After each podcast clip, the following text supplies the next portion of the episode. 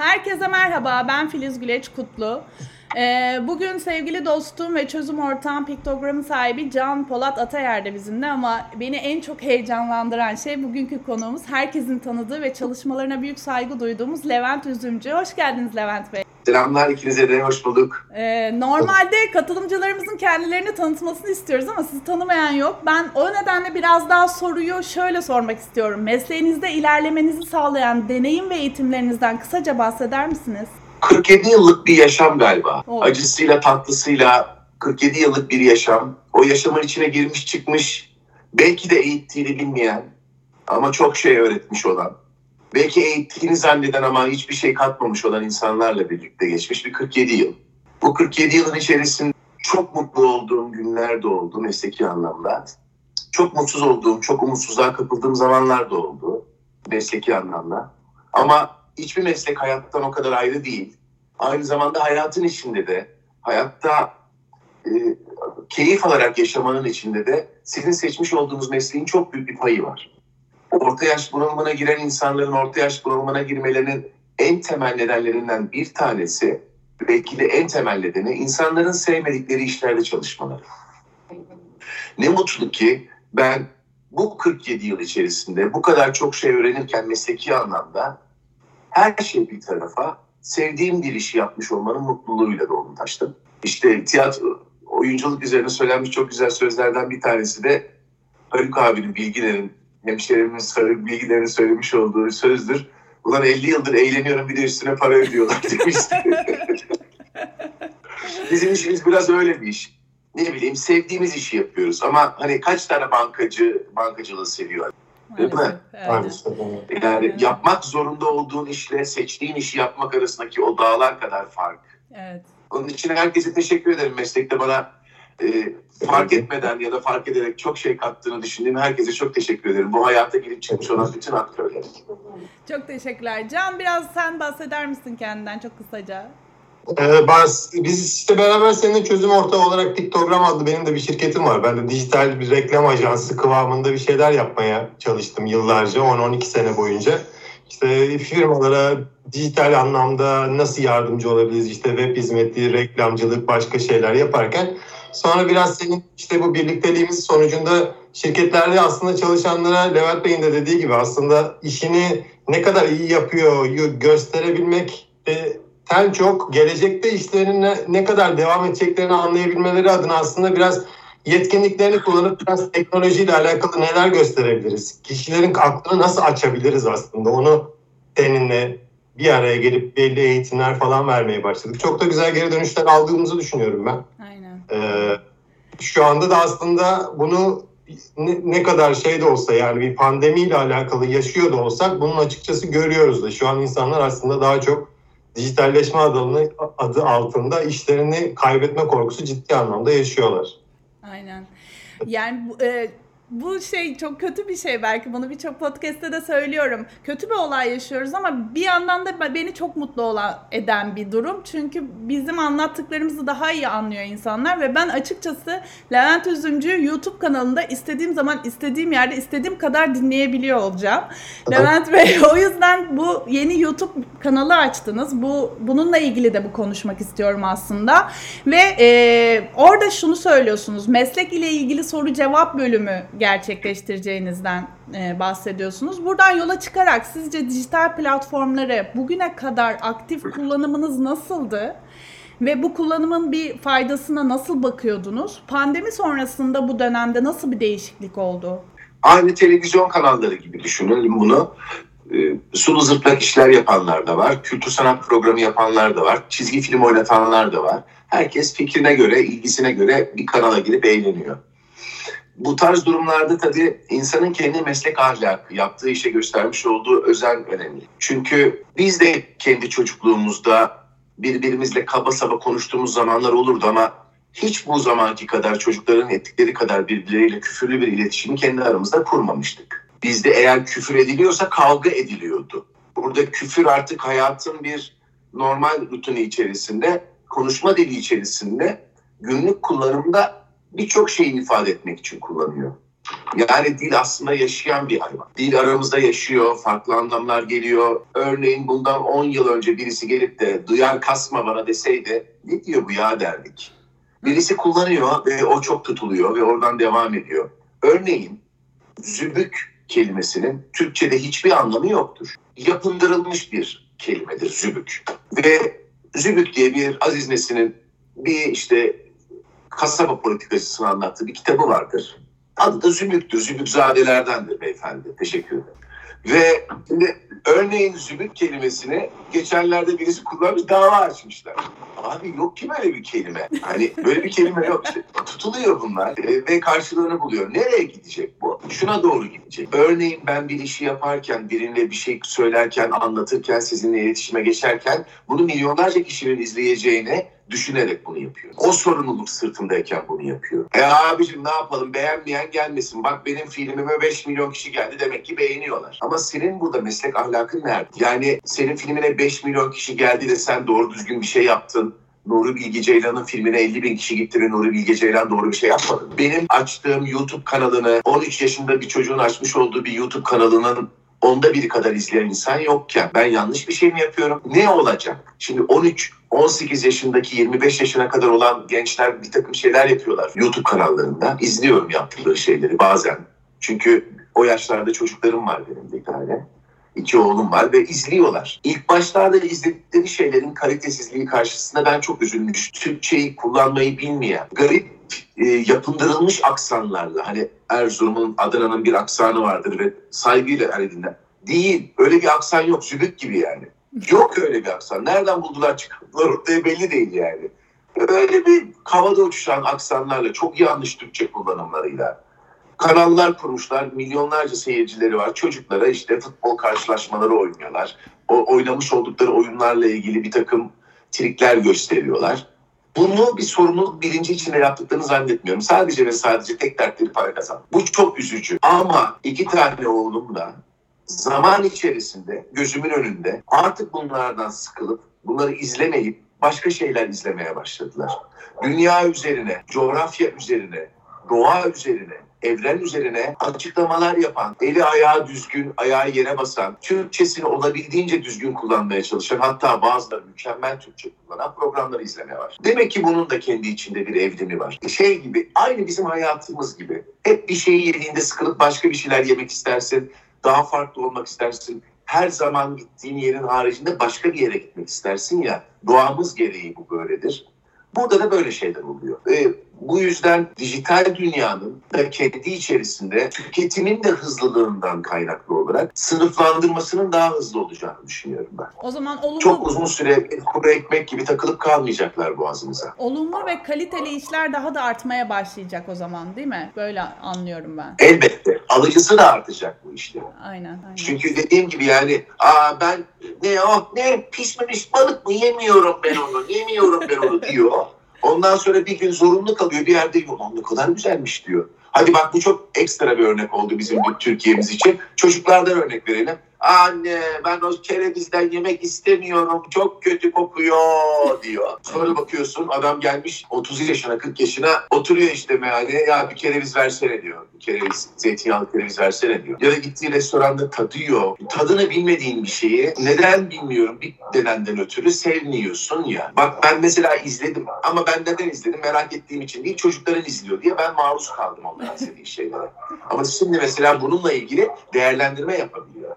Bu değerlendirmeleri de önemli buluyor. Çünkü buna doğru evrileceğini ben görüyorum. Ama koca bir ama söyleyeceğim. Benim mesleğimle ilgili, benim mesleğimin zaten televizyon versiyonu var. Sinema versiyonu var. Yani tiyatronun, oyunculuk sanatının, tiyatro sanatının zaten sinemaya uyarlanmışı, akar görüntüye uyarlanmışı, seyircinin böyle gözünün içine kadar girmiş olanı, oyuncunun seyirciye göstermek için olanı zaten var.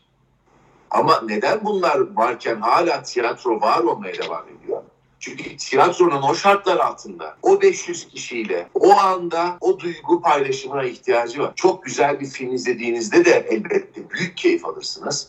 Hangimiz ama? Hangimiz bir filmi 10 kere izlemedi? Ama bir tiyatro oyunu izlerken şunu biliyoruz. Bunu izledin izledin, izlemedin bir daha yok. Yok. Peki Yani bundan daha acayip ne olabilir? Bu pandemiden sonra şu an mesela tiyatro ortamlarına gidemiyoruz ve hani söylenen bu hani fütüristik bir konuşma olarak söylemiyorum ama aşı bulununcaya kadar tiyatro salonları işte dolamayacak, yan yana oturulamayacak vesaire gibi bir şey var. Acil bir çözüm olarak işte bu kanalları e, YouTube ve diğer kanalların bu oyuncuların geliştirilmesi için kullanılması, yani bu süreci atlatmak için e, ne düşünüyorsunuz o konuda? Yani bu oyuncu olmak isteyenler ya da oyuncular bu dijital ortamlardaki kanallardan oyunculuk eğitimi alabilirler mi? Kendilerini nasıl geliştirebilirler? Ya da sizler buradan bu kanallar üzerinden oyunculuk eğitimi verebilir misiniz mesela? Oyunculuk eğitimi veremeyiz. Açık açık söyleyeyim. Çünkü oyunculuk eğitimi vermeye kalksak yani harcadığımız enerjinin zaten çok fazla bir şekilde birebir de harcadığımız enerjinin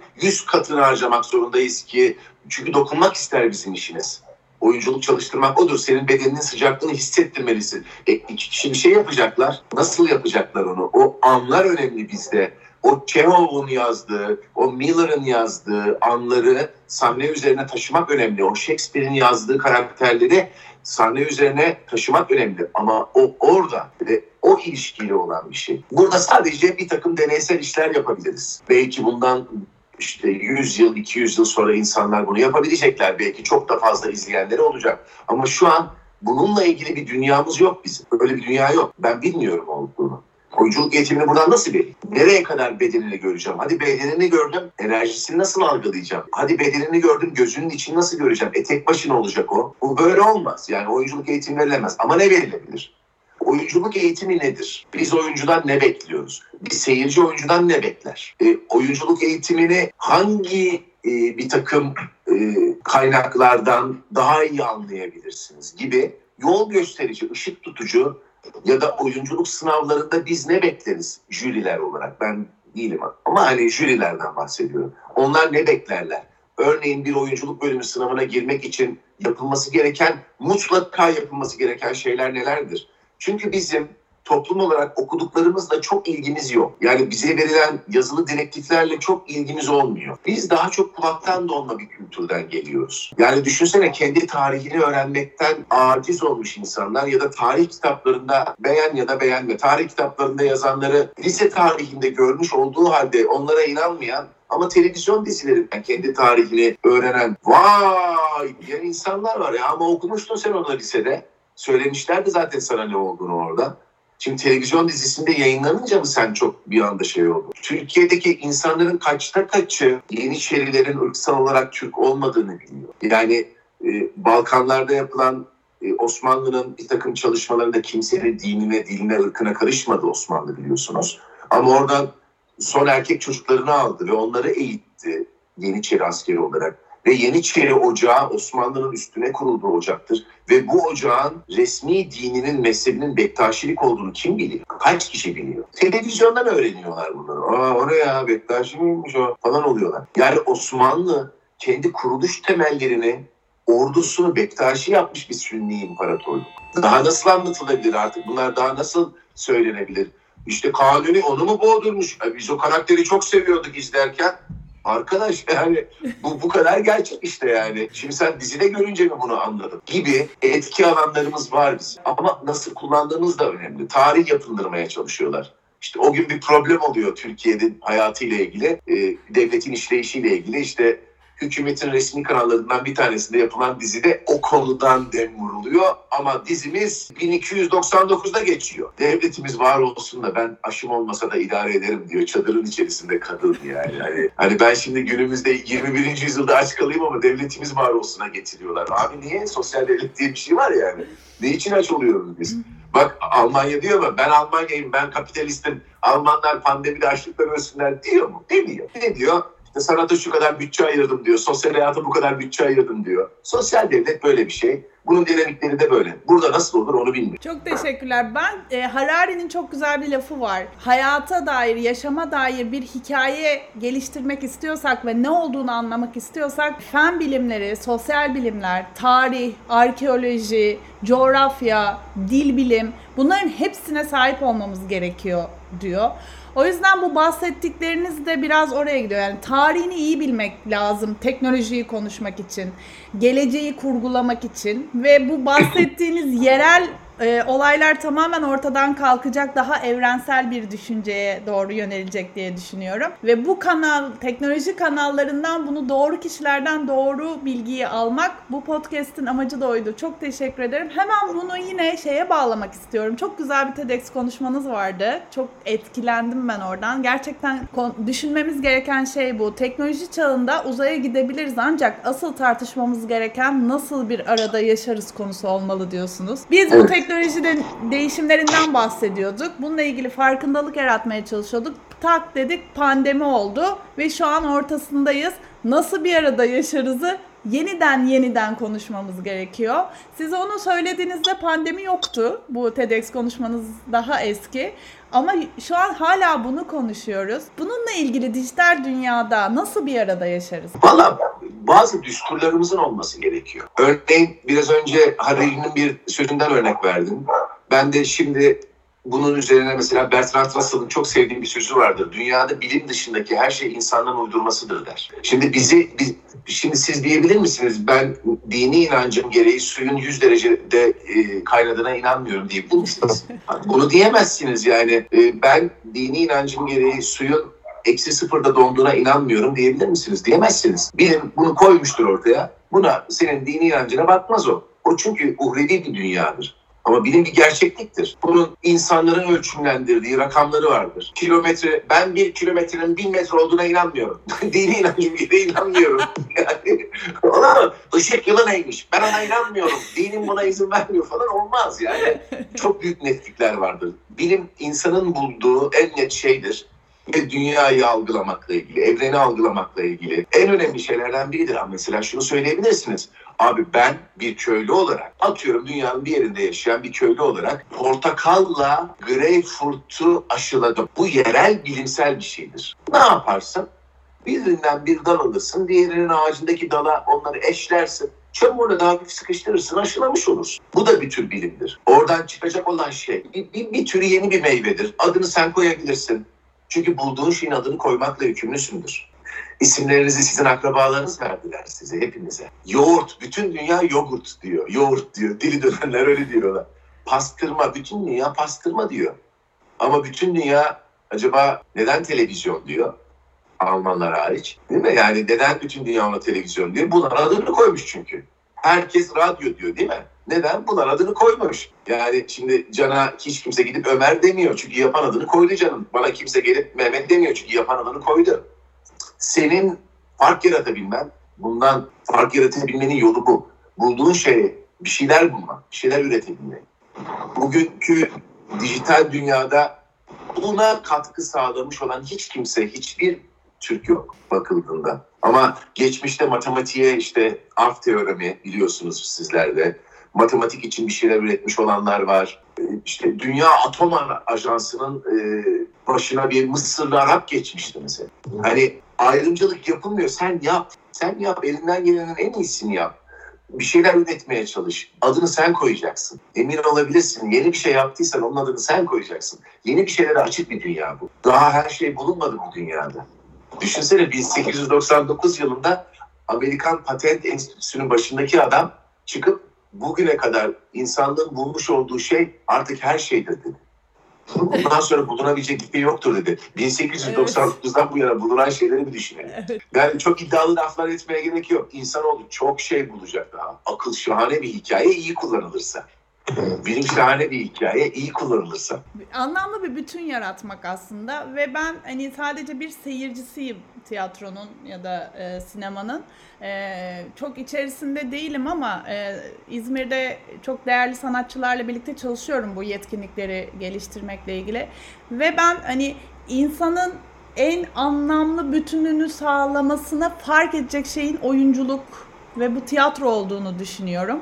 Ee, o yüzden emekleriniz çok çok büyük, çok çok değerli ve çok kıymetli. Yani dünyadaki bu değişim ve dönüşümün yine ne olduğunu bize anlatacak olan yine sizler olacaksınız. Ve bunu en etkileyici şekilde bize anlatacak ve o his ve duyguları bize aktaracak olan sizler olacaksınız diye düşünüyorum. Ee... Şöyle bir şey söylemek isterim bununla ilgili. Doktorların aşı bulacağından emin olabilirsiniz. Zamanını bilemem ama mutlaka bunun aşısını bulacaklar.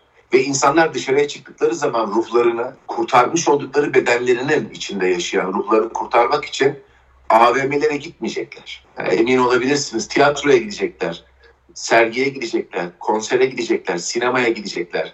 Ama önemli olan şey bizlerin bu süre içerisinde, bu pandemi süresi içerisinde yaşayabilmemiz.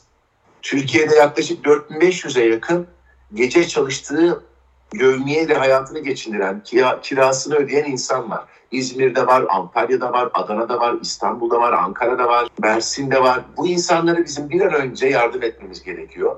Çünkü bu 4500 kişi sayı olarak az ama özgün ağırlıkları çok fazla insan. Çünkü bugün bir tiyatro oyuncusunun bir tane oyunuyla, örneğin benim Anlatılan Senin Hikayendir adlı oyunumda, örneğin karşıya kadar açık havaya gelen bin kişiyi düşün.